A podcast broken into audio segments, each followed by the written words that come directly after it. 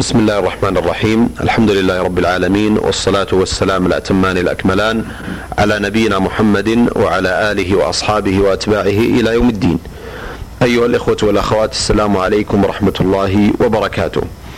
واهلا ومرحبا بكم في هذا اللقاء الجديد من برنامجكم المسلمون في العالم مشاهد ورحلات. ضيفنا في هذا اللقاء كما تعودتم هو معالي الشيخ محمد بن ناصر العبودي الأمين العام المساعد لرابطة العالم الإسلامي والباحث والداعية والرحالة المعروف. كان لنا حديث مع معاليه عبر لقاءات سابقة حول جولاته المتعددة والمباركة والموفقة. بحمد الله إلى عدد من دول أمريكا الجنوبية. أو ما يعرف بدول البحر الكاريبي. ونحب ونرغب من معالي الشيخ نواصل في هذه اللقاءات الحديث. عن بعض تلك المشاهدات التي قام بها معاليه لبعض تلك الدول وخصوصا ما تلاقيه الأقليات المسلمة هناك. معالي الشيخ محمد في مطلع هذا اللقاء باسم جميع الإخوة والأخوات أرفع لكم جزيل شكرنا وتقديرنا لتواصل معاليكم في هذه اللقاءات لتقدموا عبر هذا البرنامج الناجح بحمد الله ما تحملونه من خبرات ومعلومات نادرة ومفيدة عن جولاتكم ومشاهداتكم. فأهلا ومرحبا بمعاليكم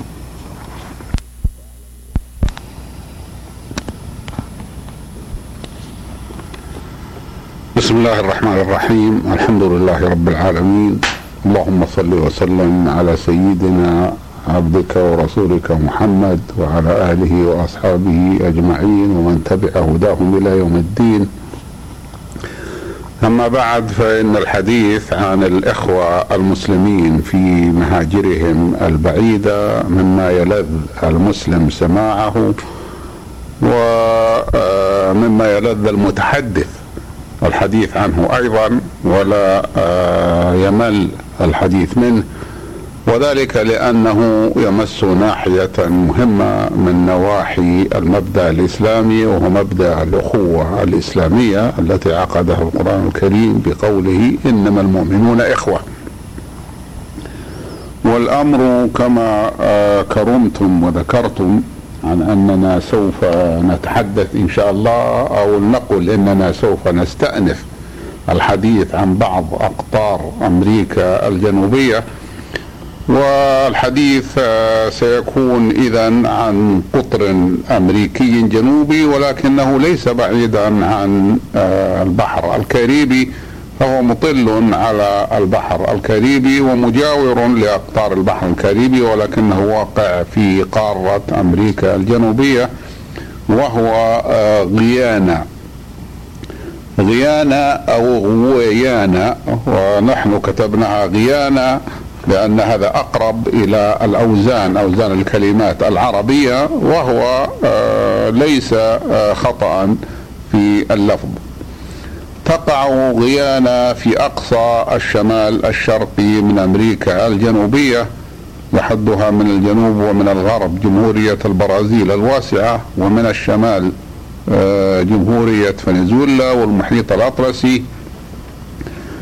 وقد جعلها الأمر بجا هذا الأمر بجانب فنزويلا جعلها تحتك بها وتكون لها مشكلات معها لأن أهل غيانا يقولون إن الإسبان عندما استعمروا غيانا وهم أول الأوروبيين الواصلين إليها اقتطعوا جزءا منها وألحقوه بفنزويلا. ولا يزال الغيانيون يطالبون به وهم أضعف من أن يستطيعوا الحصول عليه ونحن لا نستطيع هنا إلا أن نحكي كلامهم بدون أن نقرر من الذي على حق منهما. هم أهل غيانا أم أهل فنزويلا. غيانا هي في الحقيقة إحدى غيانيات ثلاث. فعندما وصل المستعمرون إلى منطقة أمريكا الجنوبية وهي المنطقة الشرقية الشمالية من قارة أمريكا الجنوبية المطلة على المحيط الأطلسي صاروا يتنازعون على تلك البلاد. فاختص الفرنسيون بما كان جنوبها أي بالقسم الجنوبي منها واسمه غيانا الفرنسية. ولا يزال هذا الاسم مستعملا حتى الآن وعاصمته جايين. والذي يليه من جهة الشمال اختص به الهولنديون واسموه السوري أول ما هو غيانا كان اسمه غيانا الهولندية ثم أصبح بعد الاستقلال اسمه سورينام. أما القسم الشمالي وهو الأهم والأكبر فإنه كان يسمى غيانا البريطانية وقد أصبح الآن يسمى غيانا فقط وعاصمته هي آه، جورج تاون عاصمته مدينة جورج تاون وهي تدل على الاستعمار أيضا لأنها منسوبة إلى الملك جورج ملك بريطانيا. غيانا بلاد واسعة جدا بالنسبة إلى عدد سكانها فهي آه، تصل سعتها إلى مئتين ألف وأربعة عشر ألف كيلو متر مربع ونيف أي أيوة وبعض الشيء. فهي واسعة بالنسبة إلى عدد سكانها فسكانها لا يزيدون على مليون ونصف المليون من السكان فقط. فهي بهذا تكون أكبر من لبنان أي أوسع أرضا من لبنان عشرين مرة عشرين ضعفا. ولكن سكانها هم أقل من لبنان بنسبة 50% أي بنسبة النصف.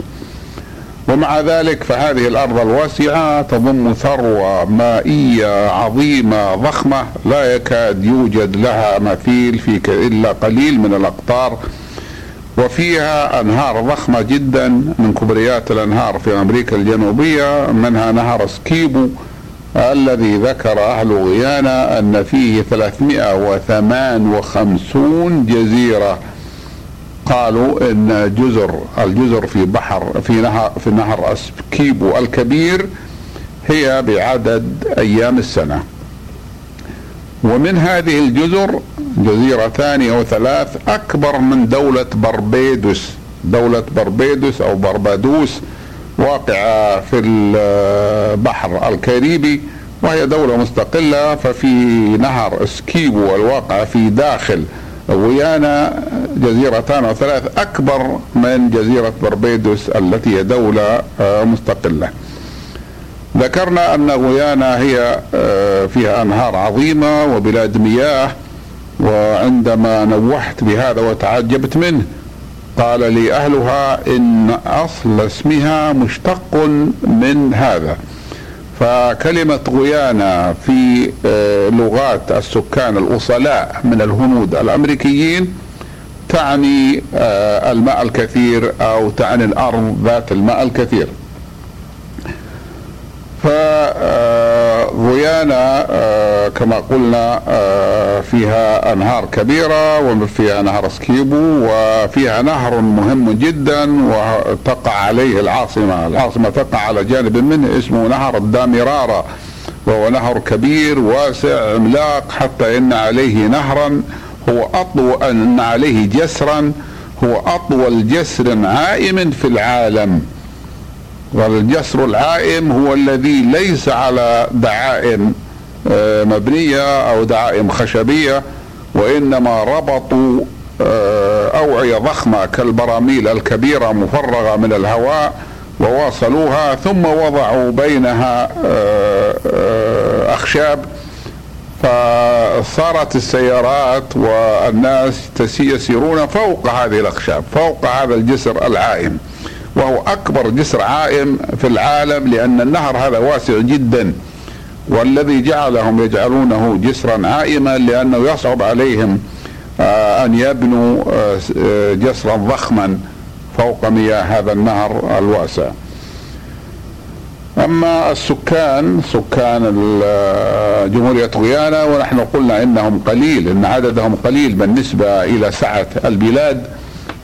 مجموعهم نحو مليون ونصف فهم يتألفون من خمس خمس وخمسين بالمئة من الهنود الآسيويين وخمسة بالمئة فقط من الهنود الأمريكيين. الهنود الأمريكيين أسماهم الأوروبيون. بذلك عندما وصلوا إلى المنطقة وإلا فإنهم ليسوا من الهنود الآسيويين ولا تربطهم رابطة لا بالهند ولا بأهلها ولكن السبب آه، في ذلك أن الأوروبيين وأعتقد أنني قلت هذا في حلقات سابقة الأوروبيين كانوا يبحثون عن طريق يوصل إلى الهند من جهة الغرب يكون أقصر وأخصر من الطريق التي تذهب إلى الهند من جهة الشرق. فلما سافر كريستوفر كولومبوس ومن معه وصلوا أول ما وصلوا إلى جزر البحر الكاريبي فأسموها جزر الهند الغربية. وأسموا أهلها بالهنود وبعد ذلك اكتشفت أمريكا الشمالية وسموا أهلها الهنود الحمر لأنهم وجدوهم ألوانهم حمر بالنسبة إلى ألوان البحر الكاريبي التي تغلب السمرة على ألوانهم لأنهم واقعون تحت خط الاستواء بلادهم واقعة تحت خط الاستواء أو قريب منه. فالسكان كما قلنا خمسة وخمسون بالمئة منهم من الهنود الآسيويين وخمسة بالمئة فقط من الهنود الأمريكيين الذين هم السكان الأصلاء وأربعون بالمئة من الأفريقيين. كيف وصل الهنود الآسيويون إلى غيانا؟ الجواب أن البريطانيين عندما أخذوا هذه المنطقة من الإسبانيين لأن أول ما وصلها كان الإسبان. آه، كانت منطقة غنية وبخاصة صالحة لزراعة السكر وإنتاجه. فالبريطانيون محتاجون إلى عمال ومحتاجون إلى موظفين متوسطين وهم كما نعلم عددهم قليل بالنسبة إلى مستعمراتهم الواسعة التي قيل بحق أن الشمس لا تغرب عنها كما يقولون. وكذلك كانوا مترفعين عن الأعمال الشاقة والأعمال الصغيرة فجلبوا من الهند الآسيوية التي كانوا يستعمرونها أيضا اعدادا ضخمة من من العمال ومن الموظفين بعقود مغرية أي إنهم بذلوا لهم المال.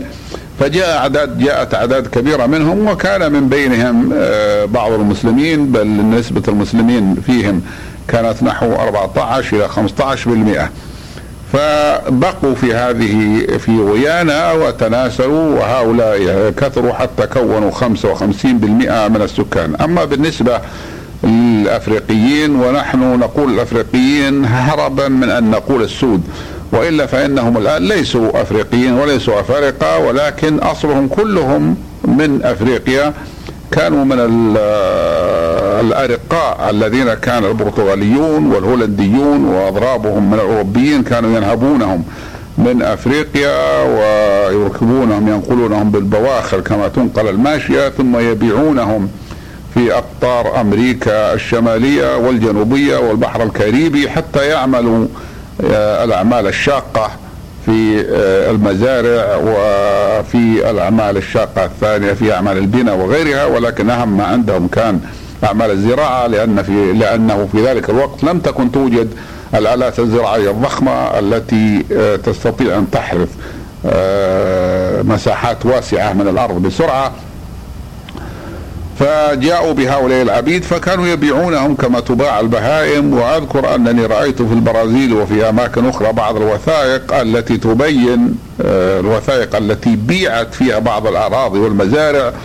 فيقول البائع بأنني قد بعت هذه الأرض وفيها كذا وكذا ثور وفيها مثلا كذا آه، بقرة وفيها كذا من الغنم وكذا من الدجاج وفيها كذا من العبيد وفيها كذا من العبدات يعني الإيماء.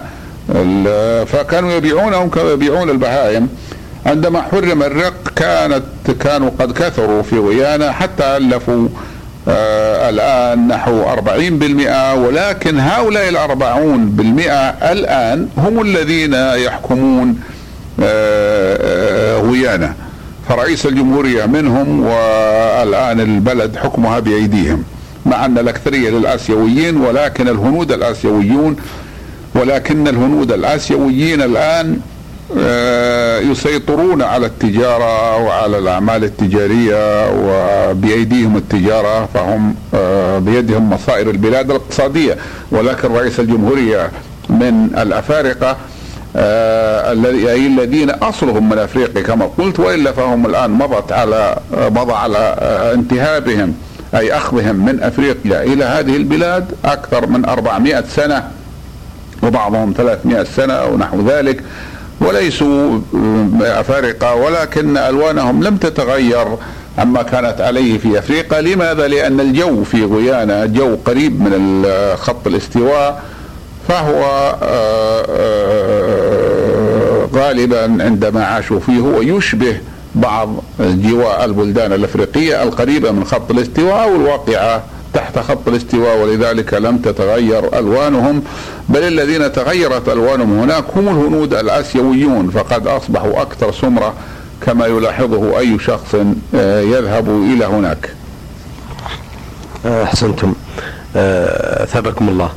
معالي الشيخ محمد أشرتم في استهلالكم الجميل والرائع قبل قليل إلى أن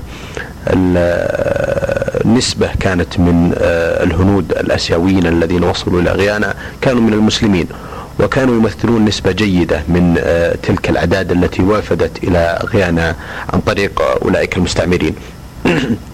لكن معالي الشيخ محمد آه، الإسلام كيف كانت بداياته وانطلاقاته في غيانا؟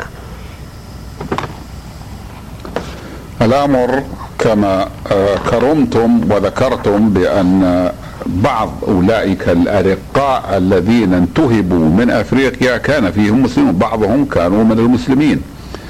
وعندما وصلوا إلى تلك المنطقة كانوا يمارسون بقدر استطاعتهم الشعائر الدينية ولكن كان الأوروبيون في ذلك الوقت وبخاصة الإسبان والبرتغاليين كانوا متعصبين تعصبا آه، فظيعا ضد الإسلام والمسلمين فكانوا يعاقبون من يصلي أو من يظهر أنه مسلم.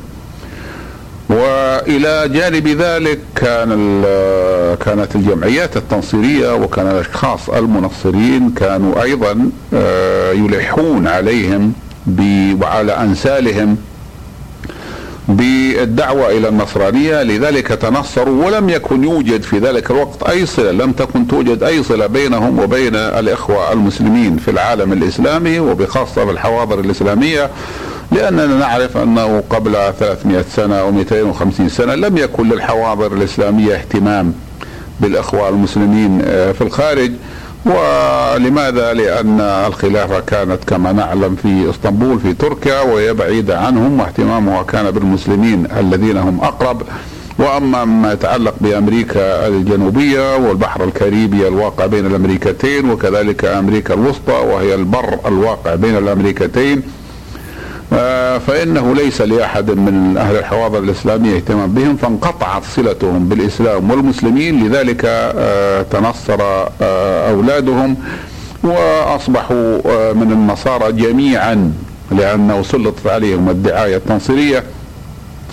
ولذلك نستطيع القول بأن أول من دخل من وصل إلى هذه المنطقة من المسلمين هم إخوان هم إخوان الأفارقة. ولكن انهم اضمحلوا وذابوا في ذلك المجتمع ولم يأتي يصل إليه أحد من المسلمين بأعداد كبيرة لافته للنظر ومستحقة للتسجيل إلا الإخوة من الهنود الآسيويين الذين جاء به جاء, جاء بهم المستعمرون الإنجليز بموجب عقود ليس جبرا ولكن بموجب عقود للعمل مغرية. ونحن نتصور أنه إذا كان العمل في الهند آه، ضيق ميدان العمل كان ضيقا وكذلك الرواتب كانت قليلة كانوا يعطونهم رواتب كبيرة فيأتون فجاءوا إلى هذه البلاد الغيانية واستقروا فيها. ولكن إخواننا المسلمين الهنود هم أنشط الإخوة المسلمين في العالم بدون آه، مبالغة وبدون استثناء أيضا. هم أنشطهم عملا للإسلام في مهاجرهم. فلا يوجد لهم مثيل فهم أحسن وأنشط وأقوى من العرب في مهاجرهم. نفرض أنه آه كما رأيت أنا بنفسي ولا أقول هذا من باب التقدير وإنما من باب حكاية الواقع أنه إذا هاجرت خمس أسر أو عشر أسر من الهند من الهند من المسلمين إلى أي منطقة في العالم ليس فيها مسلمون وليس فيها مساجد فأول ما يبدأون يفكرون بانشاء جمعيه إسلامية ثم بناء مسجد ثم يستقدمون من الهند شيخا يعلم أبنائهم. أما آه، آه، إخواننا العرب المسلمين كما هو حصل وكما هو حاصل في السابق سواء في البرازيل أو في غيره من أقطار أمريكا الجنوبية فإنهم لا يهتمون أول الامر بهذه بالتأليف الجمعيات الإسلامية ولذلك ضاعت آه، آه، أنسال الهجرات الأولى الذين هاجروا في أول الامر ضاعت أنسالهم وذابوا في المجتمعات لأن الشبان يتزوجون من شبان المسلمين يتزوجون من شابات غير مسلمات والشابات المسلمات مع الاسف الشديد يتزوجن من شبان غير مسلمين. فتكون النتيجة أن الأبناء لا يكونون من أبناء المسلمين. لماذا؟ لأن الجو المحيط بهم هو جو غير إسلامي وكذلك هنالك الهيئات النصرانية الذين لا يقبلون من يدخل في المدارس في مرحلة من المراحل إلا إذا عمد أي إلا إذا أعلن بأنه أعلن والداه أنه مسيحي. فالإخوة المسلمون في الهند بمجرد أن وصلوا إلى هناك آه، عملوا آه، ألفوا جمعية إسلامية ثم بعد ذلك ألفوا جمعية واحدة ضخمة أسموها أنجمن آه، إسلام الموحد. أنجمن صدر الإسلام الموحد. فهؤلاء الإخوة المسلمون آه، أشادوا المساجد وأسسوا أنا أقصد هؤلاء الإخوة المسلمون من أهل الهند الآسيوية آه، أسسوا المدارس وبنوا المساجد وصار لهم جمعيات إسلامية ونشاط عظيم الأثر. حتى إنه بلغ عدد المساجد الموجودة الآن في غيانا 192 مسجدا. وهذه المساجد كلها ليست أماكن للصلاة أو ما يسمى بالمراكز الإسلامية الصغيرة وإنما هي مساجد لها شكل المساجد فيها المناير والقباب وأهلها قد خسروا عليها وأنفقوا عليها نفقة عظيمة. وكلها قائمة وشاهد على قوة إخواننا المسلمين في غيانا آه، في الوقت الحاضر. وقد بلغني قبل سنة واحدة أن المساجد هناك قد شارفت أن تصل إلى 200 مسجد علما بأن المسلمين لا يؤلفون إلا 15% من السكان 15% فقط. من السكان والسكان كلهم لا يؤلفون إلا مليون وخمسمائة ألف ولكنهم كانوا يبنون المساجد حتى في الطرقات بمعنى أنه إذا فرضنا أن هنالك مدينتين إحداهما مثل مكة والأخرى مثل جدة في ناحية الموقع فإن المسلمين يبنون بين هذه المدينتين مسجدا آه، في الطريق من أجل أن يصلي فيه المسلمون. الذين يمرون بالطريق. ولو لم يكن عنده آه، قرية ولو لم يكن عنده آه، مسلمون نازلون. وقد رأيت هذا وصليت في ثلاثة مساجد آه، واقعة على الطريق. وهذا يدل على قوتهم في العمل الإسلامي.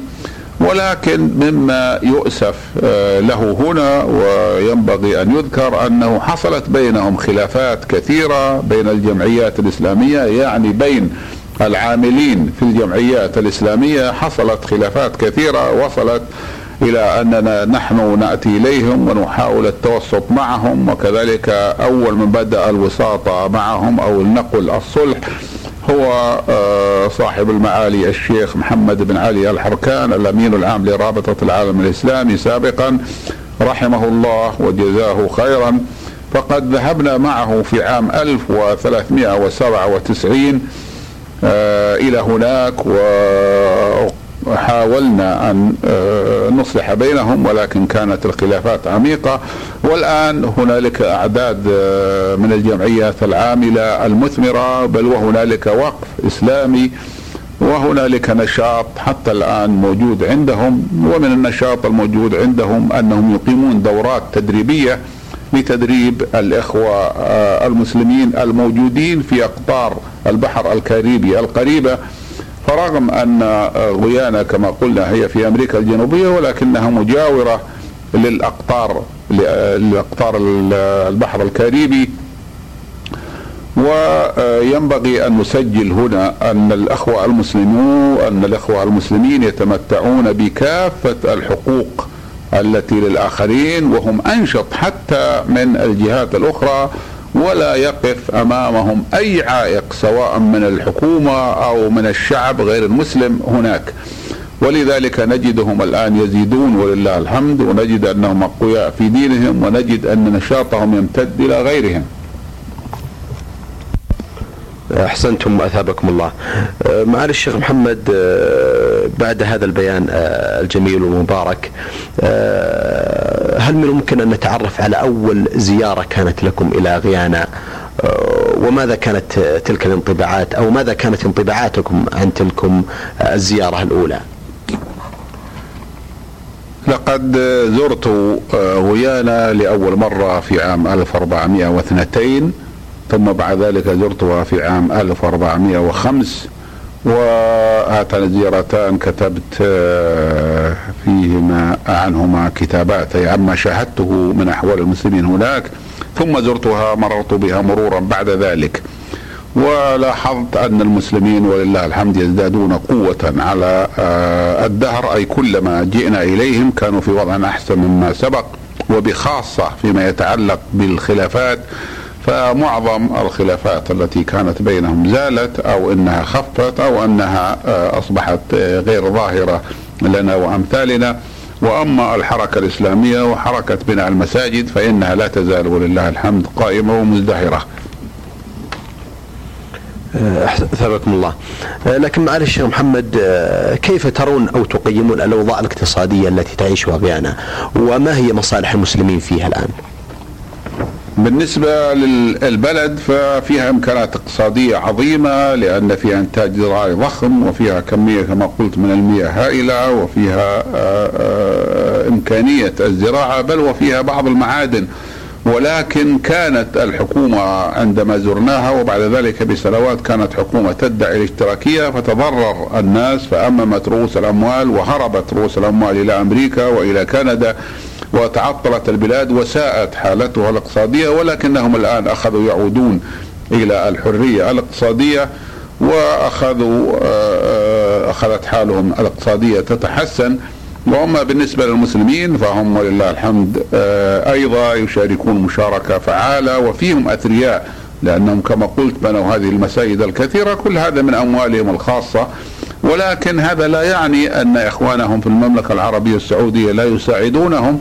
فنحن ولله الحمد نقدم المملكة العربية السعودية تقدم مساعدات كثيرة للأخوة المسلمين منها مثلا الدعاة لدينا أكثر من دعاء أكثر من داعية فيها دعاة ليتبعون لرئاسة لوزارة الشؤون الإسلامية والدعوة والأوقاف. وفيهم آه، دعاة يتبعون رابطة العالم الإسلامي وهنالك آه، منح دراسية من المملكة كثيرة في الجامعة الإسلامية المدينة وفي غيرها. وهنالك أيضا مساعدات المساجد والمدارس. لم يكتب إلينا في الرابطة أي شخص أو أي جماعة نثق به إلا أن نساعده وكذلك يساعد من الجهات الأخرى في المملكة العربية السعودية. وهناك لرابطة العالم الإسلامي مكتب في ترينيداد المجاورة. نحن ركبنا من ترينيداد لأول مرة إلى غيانا والمسافة بينهما ساعة واحدة أي أقرب من المسافة ما بين جدة إلى الرياض. ومكتب الرابطة في ترينيداد يعنى أيضا بمكتب يعنى أيضا بالشؤون الإسلامية في آه، غيانا ويرسل التقارير ويرسل حاجات المسلمين إلى هناك كما أن لدينا في الرابطة اتصالات وثيقة مع القائمين على العمل الإسلامي هناك من رؤساء الجمعيات ومن الدعاة ومن غيرهم. أحسنتم اثابكم الله. معالي الشيخ محمد أستاذنكم في هذه اللحظات نتوقف عند هذا الحد املا أن يكون لنا لقاء بإذن الله تعالى في حلقات قادمة لنواصل الحديث عن لقاءاتكم ومشاهداتكم في العديد من الدول عن اوضاع المسلمين هناك. أيها الإخوة والأخوات كان حديثنا مع معالي الشيخ محمد بن ناصر العبودي الأمين العام المساعد لرابطة العالم الإسلامي والباحث والداعية المعروف. نلقاكم بإذن الله تعالى على خير في مثل هذا اليوم من الأسبوع القادم والسلام عليكم ورحمة الله